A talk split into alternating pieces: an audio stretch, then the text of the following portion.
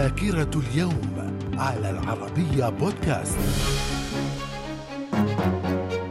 أهلا بكم وفي ذاكرة العشرين من نوفمبر من العام 1815 توقيع معاهدة باريس بعد هزيمة نابليون بونابرت في معركة ووترلو. في العام 1832 تنصيب الأمير عبد القادر ابن محيي الدين سلطانا على الجزائر وذلك بعد تنازل والده له وكان حينها في عمر الخمسة والعشرين. من الذاكرة. في العام 1924 اغتيال السير اللواء لي ستاك سردار الجيش المصري وحاكم السودان العام على يد مواطن مصري. في العام 1935 مقتل المجاهد السوري عز الدين القسام بعد أن قامت القوات البريطانية بتطويق بلدة يعبد وحصول تبادل لإطلاق النار بين الفريقين. من الذاكرة. من ذاكرة العشرين من نوفمبر في العام 1945 بداية محكمة نورنبرغ ضد 24 من النازيين